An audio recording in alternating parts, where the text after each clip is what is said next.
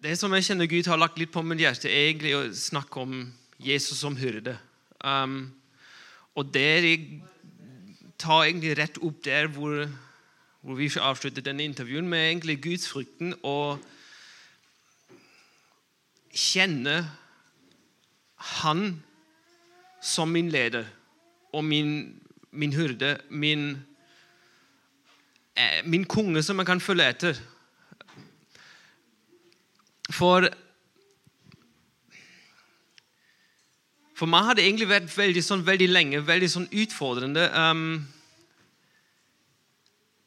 når jeg hørte Jesus som hyrde, så hadde jeg et litt sånn bilde av denne litt sånn halvsnille, softy gutten som sitter med lammet og litt sånn, sånn halvsalig blikk.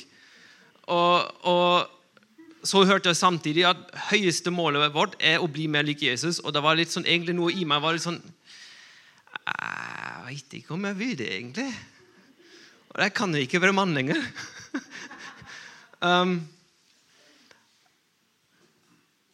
og alt snudde for meg i hele mitt forhold med Jesus når jeg ble kjent med han som den mann, hurden og egentlig krigeren som han virkelig er. Og den, som en konge som jeg kan følge. Jeg har jo vært brannmann, og jeg liker å følge en leder som vet hva han gjør, og som har litt snøring om det han driver med. For da vet jeg at okay, hvis han sier noe, da er det bare Jopp, yes sir, og da gjør vi det, og da følger jeg. Um, I full tillit og tro at, at, valget han tar, det er det beste for meg, det er det beste for oppdraget vi har. Um, og samme hva han leder inn i, jeg følger. Men det funker ikke hvis jeg ikke kjenner lederen min. Og det funker ikke med Jesus heller hvis jeg ikke kjenner han som min hyrde og, og lederen. Og hvis han leder i dødsskyggens dal, da, da, er det egentlig best hvis jeg vet hvem jeg følger her. For hvis jeg å overdra det litt Hvis jeg følger litt baby som ligger i en krybbe, og nå skal jeg møte døden, da blir det sånn Jeg vet ikke om det er en så god idé her. um, men hvis jeg plutselig følger en mektig konge som allerede har bevist sin kjærlighet og sin forpliktelse til meg, da er det for meg bare helt naturlig å ha den samme responsen tilbake, full forpliktelse og som en kjærlighetsrespons uh, til han. Og da er, sånn, da er, vi all in. Og alt snudde for meg egentlig når jeg satt i Jordan på den misjonsreisen. Og En morgen så leste jeg Johannes 18, vers 1-12. Og Den hellige ånd sa til meg, se hvor aktiv han er. Og plutselig så var det som Iblant så har du sånn Før så, så jeg ikke, plutselig ser jeg. Jesus som før var så fjern, plutselig var han så nær. Um, og Jeg har lyst til å lese den, den, det avsnittet her og 15 minutter, ja. Um, Johannes 18, 1-12. Da Jesus hadde sagt dette, hele kapittel 14-16, um, gikk han ut sammen med disiplene sine og gikk over Kredonbekken. Der var det en hage som han og disiplene hans gikk inn i. Også Judas, som forrådte ham, kjente stedet, for Jesus hadde ofte vært der sammen med disiplene sine. Judas tar med seg en avdeling soldater og vakter fra øversteprestene og fariseerne og kommer dit med fakler, lamper og våpen. Jesus, som visste om alt dette som skulle komme over ham, gikk da fram og sa til dem, 'Hvem leter dere etter?' De svarte ham, 'Jesus fra Nasaret'. Jesus sa til dem, 'Jeg er', eller 'det er meg'. Judas, som forrådte ham, sto også sammen med dem. Idet han sa til dem, 'Jeg er', trakk de seg tilbake og falt til jorden. Eh, da spurte han dem igjen, 'Hvem er det dere leter etter?' Og de sa, 'Jesus fra Nasaret'. Jesus svarte, 'Jeg har sagt dere at jeg er.' Hvis dere leter etter meg, så la disse gå sin vei for at det han hadde sagt, skulle bli oppfylt. Av dem du ga meg, har jeg ikke mistet noen. Simon Peter hadde et sverd, og nå trakk han det, slo øversteprestens tjener og hogg av det høyre øret hans. Tjenerens navn var Markus. Da sa Jesus til Peter, stikk sverdet i sliren. Skal jeg ikke drikke det begeret som min far har gitt meg? Avdelingen min soldater, øverstepresten øh, øh, og jødenes vakter tok da Jesus og bandt ham. Og det som Bakgrunnen for hele Med alt det som skjer her, og det som vi sier nå, er bakhodet kjernen i vers 4 at Jesus visste alt det som skulle komme. Han visste hva som ventet på ham. Så, og Nå vet vi fra andre, andre evangelier at det å se fram til kors og vite at korset venter, det var ikke akkurat noe som Jesus så veldig fram til. Um, bønn i hagen og Gud hvis det er noe vei, ta det vekk fra meg. Det, det, var, det var, egentlig mareritten hans. Men så står det i vers 1 Da Jesus hadde sagt alt dette, gikk han ut sammen med disiplene sine og over Kredonbekken. Um, han var i en by til en høytid hvor det var millioner av mennesker. Og Jeg snakker med en del politifolk i tidligere jobben min. Hvis du skal gjemme, og spurte liksom, ja, hvordan finner dere folk? Nei, Hvis de gjemmer seg i menneskemengden, da er det vanskelig å finne dem, for sporene liksom blander seg. og nei, Selv i dag med all dette avanserte teknologien det blir vanskelig å finne noen. Men hvis de går alene ut i skogen, blir det lett å finne dem. Um, og Her er Jesus i en by med millioner av folk. Vel vitende hvis han går ut av den byen, over den bekken, inn i den hagen, inn i, ut av den beskyttende mengden alene en plass, da kommer jeg til å møte mitt verste mareritt.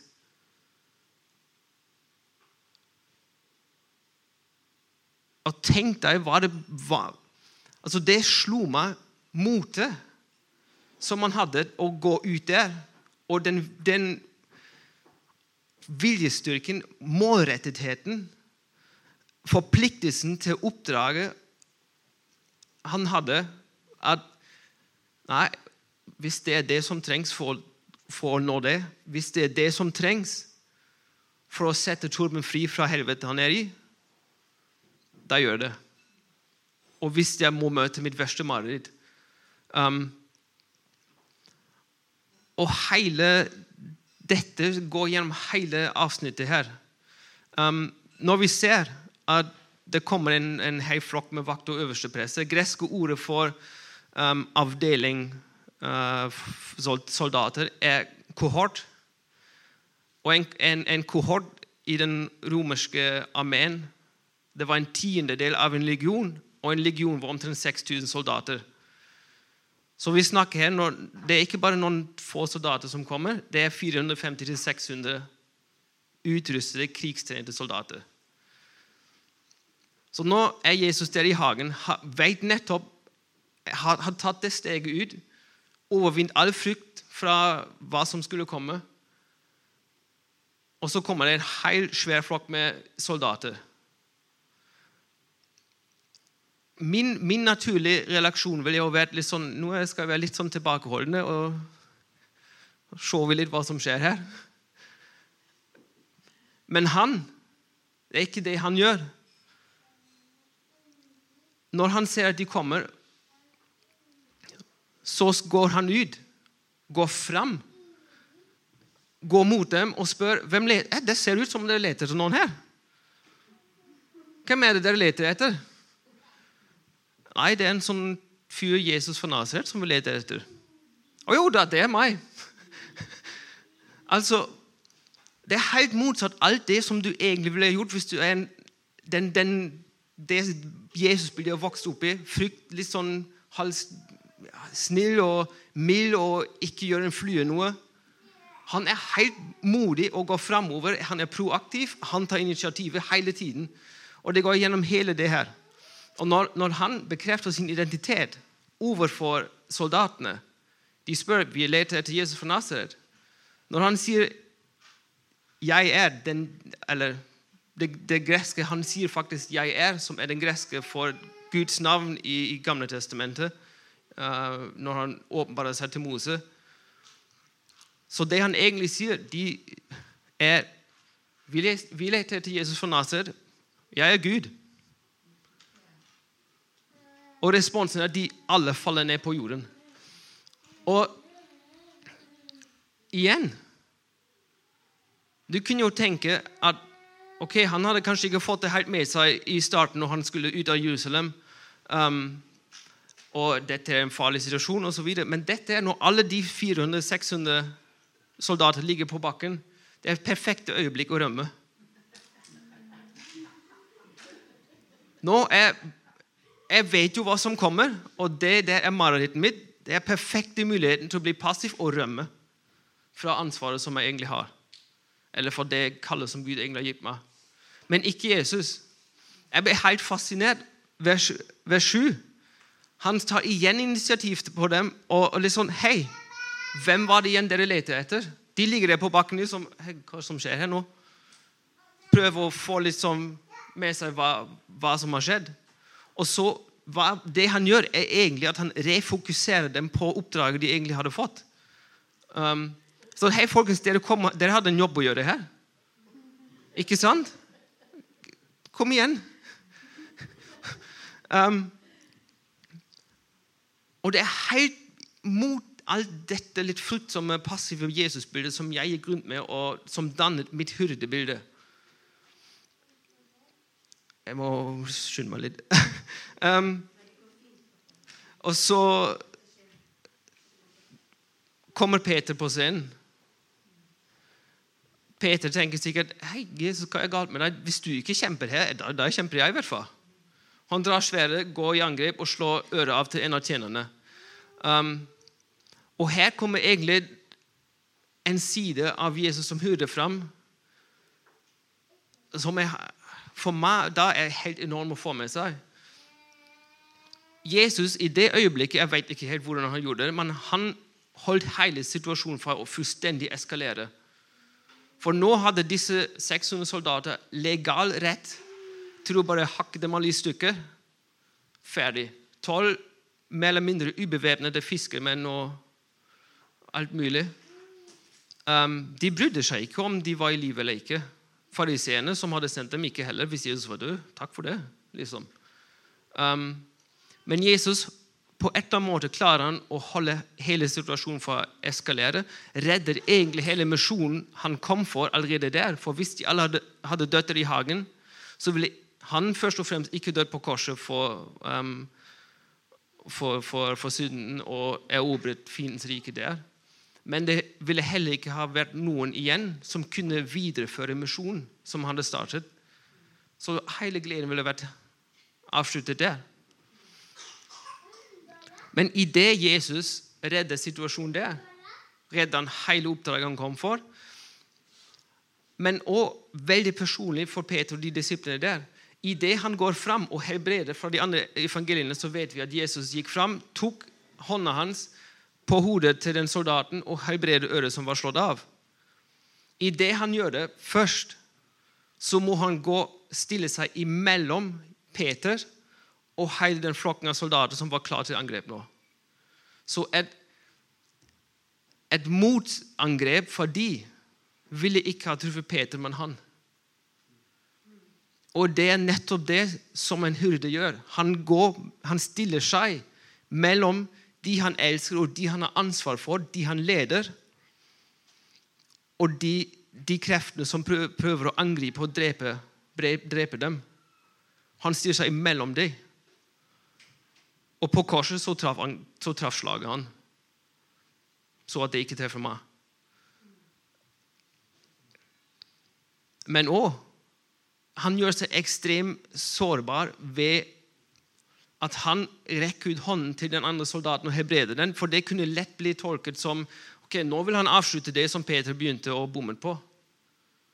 Nå vil han snuve det en gang ordentlig, og da Så igjen Et angrep ville ha truffet han.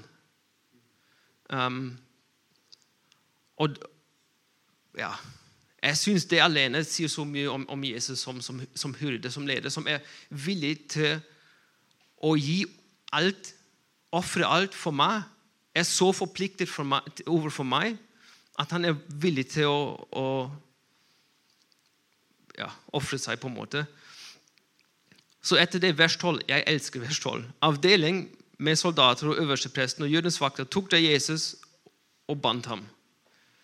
Hvorfor elsker jeg dette verset? Tenk deg alt det som har skjedd. Du er en av de soldatene. Du har nettopp falt til bakken. Du har nettopp bare hørt navnet hans, det slo deg ned.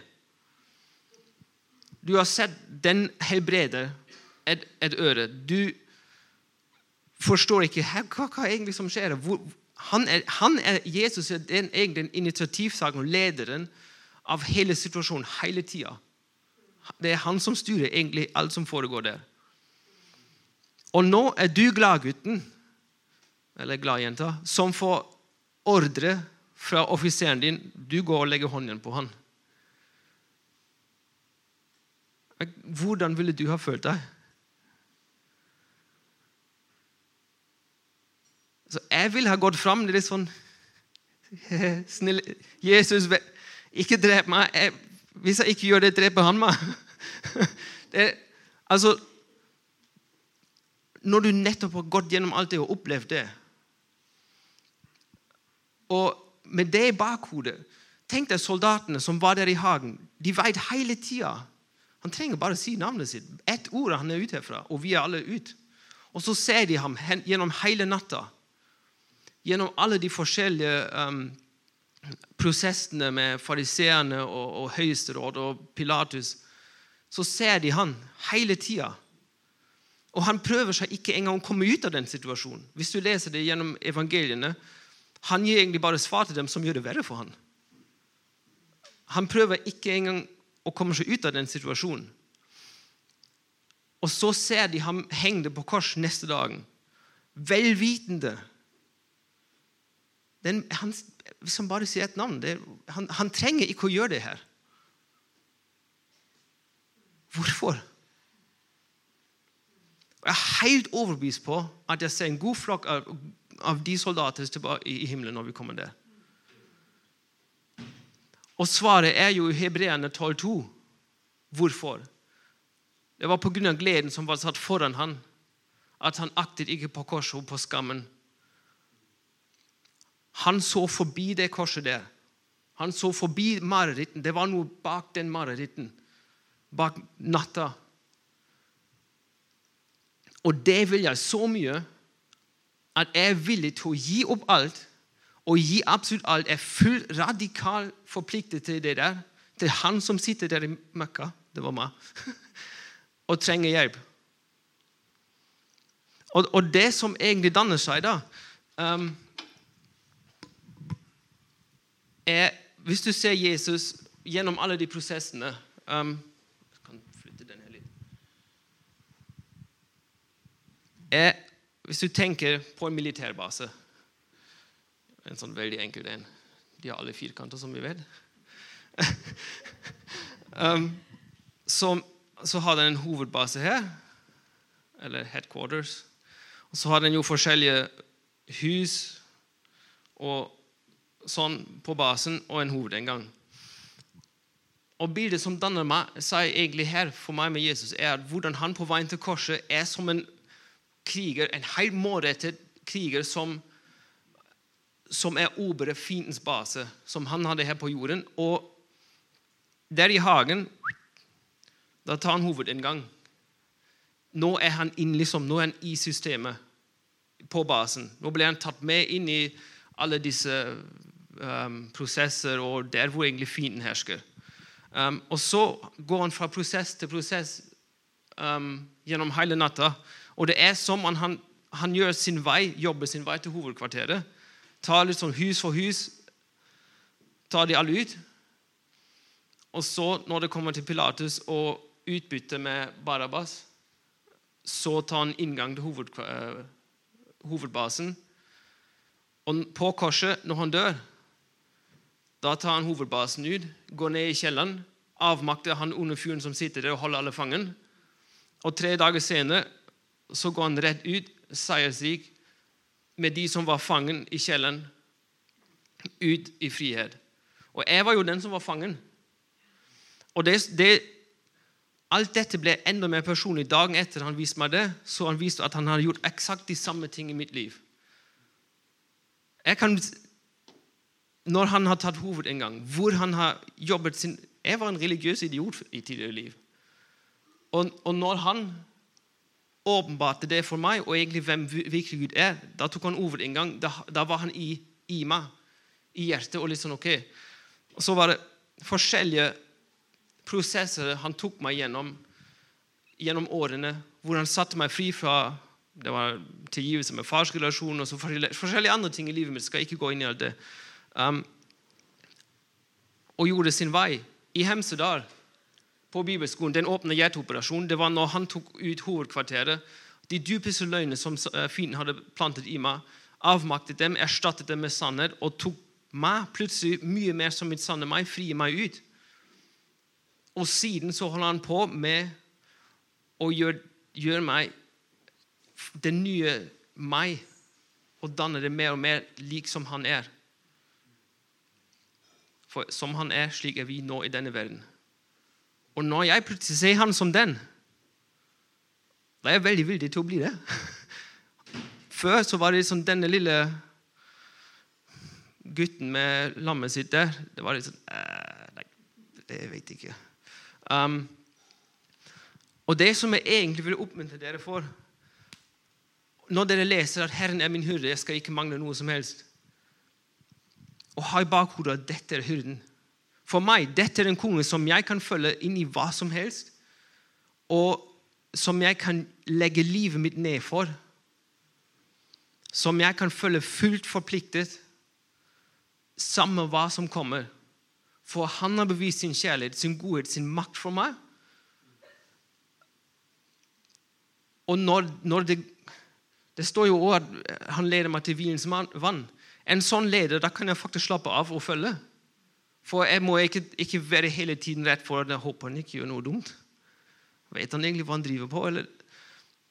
Så når dere går gjennom sommeren, gjennom det salmen, så vil jeg virkelig oppmuntre dere å ha det i bakhodet, det bildet. For å avslutte, jeg har noe som minner meg hele tiden. Jeg har et, et lesemerke i, i Bibelen min som vekker noen spørsmål iblant, men som minner meg egentlig om hvem jeg følger. Og Det er en sånn spesialstyrkesoldat. Og for det er nettopp det han er for meg. Um, søk først hans rike. Dette er kongen. Alt det andre skal bli gitt dere. Skal ikke mangle noe som helst. Jeg tror jeg skal bare be en kjapp tur. og så. Far, takk for at du er så genial. Takk at du har sendt din beste mann for å få oss ut av, av alt det som vi hadde rotet oss vekk i. Um, takk at du, Jesus, kom og avmaktet døden. Du avmaktet han som holdt oss fanget. Takk at du la ned alt, for vi var gleden som var satt foran deg. Um, takk at, at, du var villig til å legge ned alt, og du går og møter det verste mareritt for meg, for oss. og at du er en konge verdig til å følge, verdig til å bli så forpliktet, være så forpliktet til um, som du var for oss, er, er, er over for oss. Um, og Jeg ber bare over oss alle Gud, at vi får en større åpenbaring av, av, denne siden av Jesus. Slik at denne forpliktelsen blir dannet i oss, og at, at, vi følger Han uansett hva.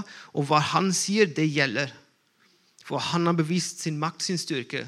Um, der på korset og personlig for oss. Jeg ber Gud at du vil åpenbare for veien av oss hvordan du har åpnet avmakt, den fiendens base som vi, vi hadde i, i, hver ene av oss. At dette blir noe helt personlig, Gud.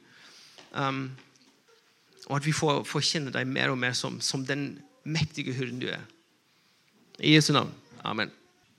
Tusen hjertelig takk. Gi meg en applaus.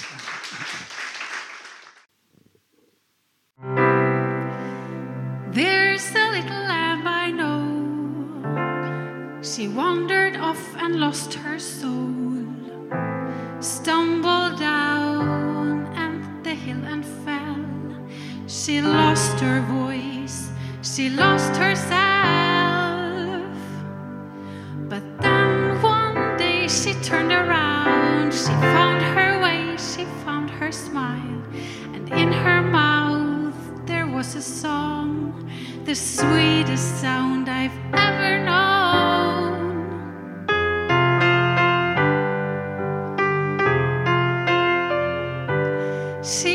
said. She waited patiently for the Lord. He turned and heard her cry. He lifted her out of the pit, out of the miry clay. He set her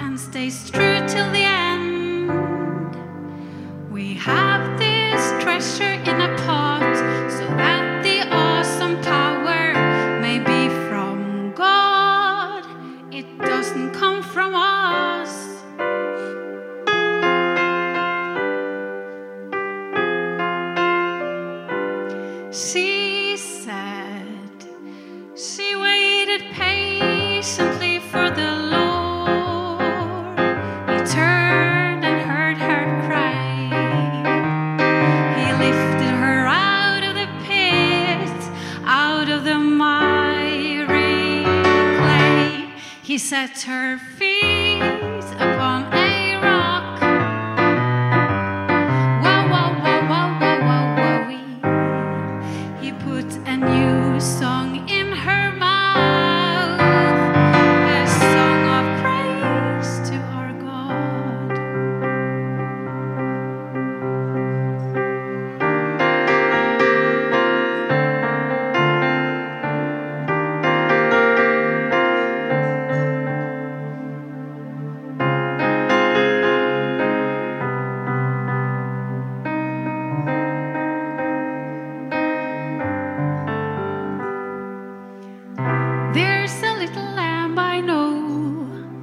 She wandered off and lost her soul, stumbled down the hill and fell. She lost her voice, she lost herself.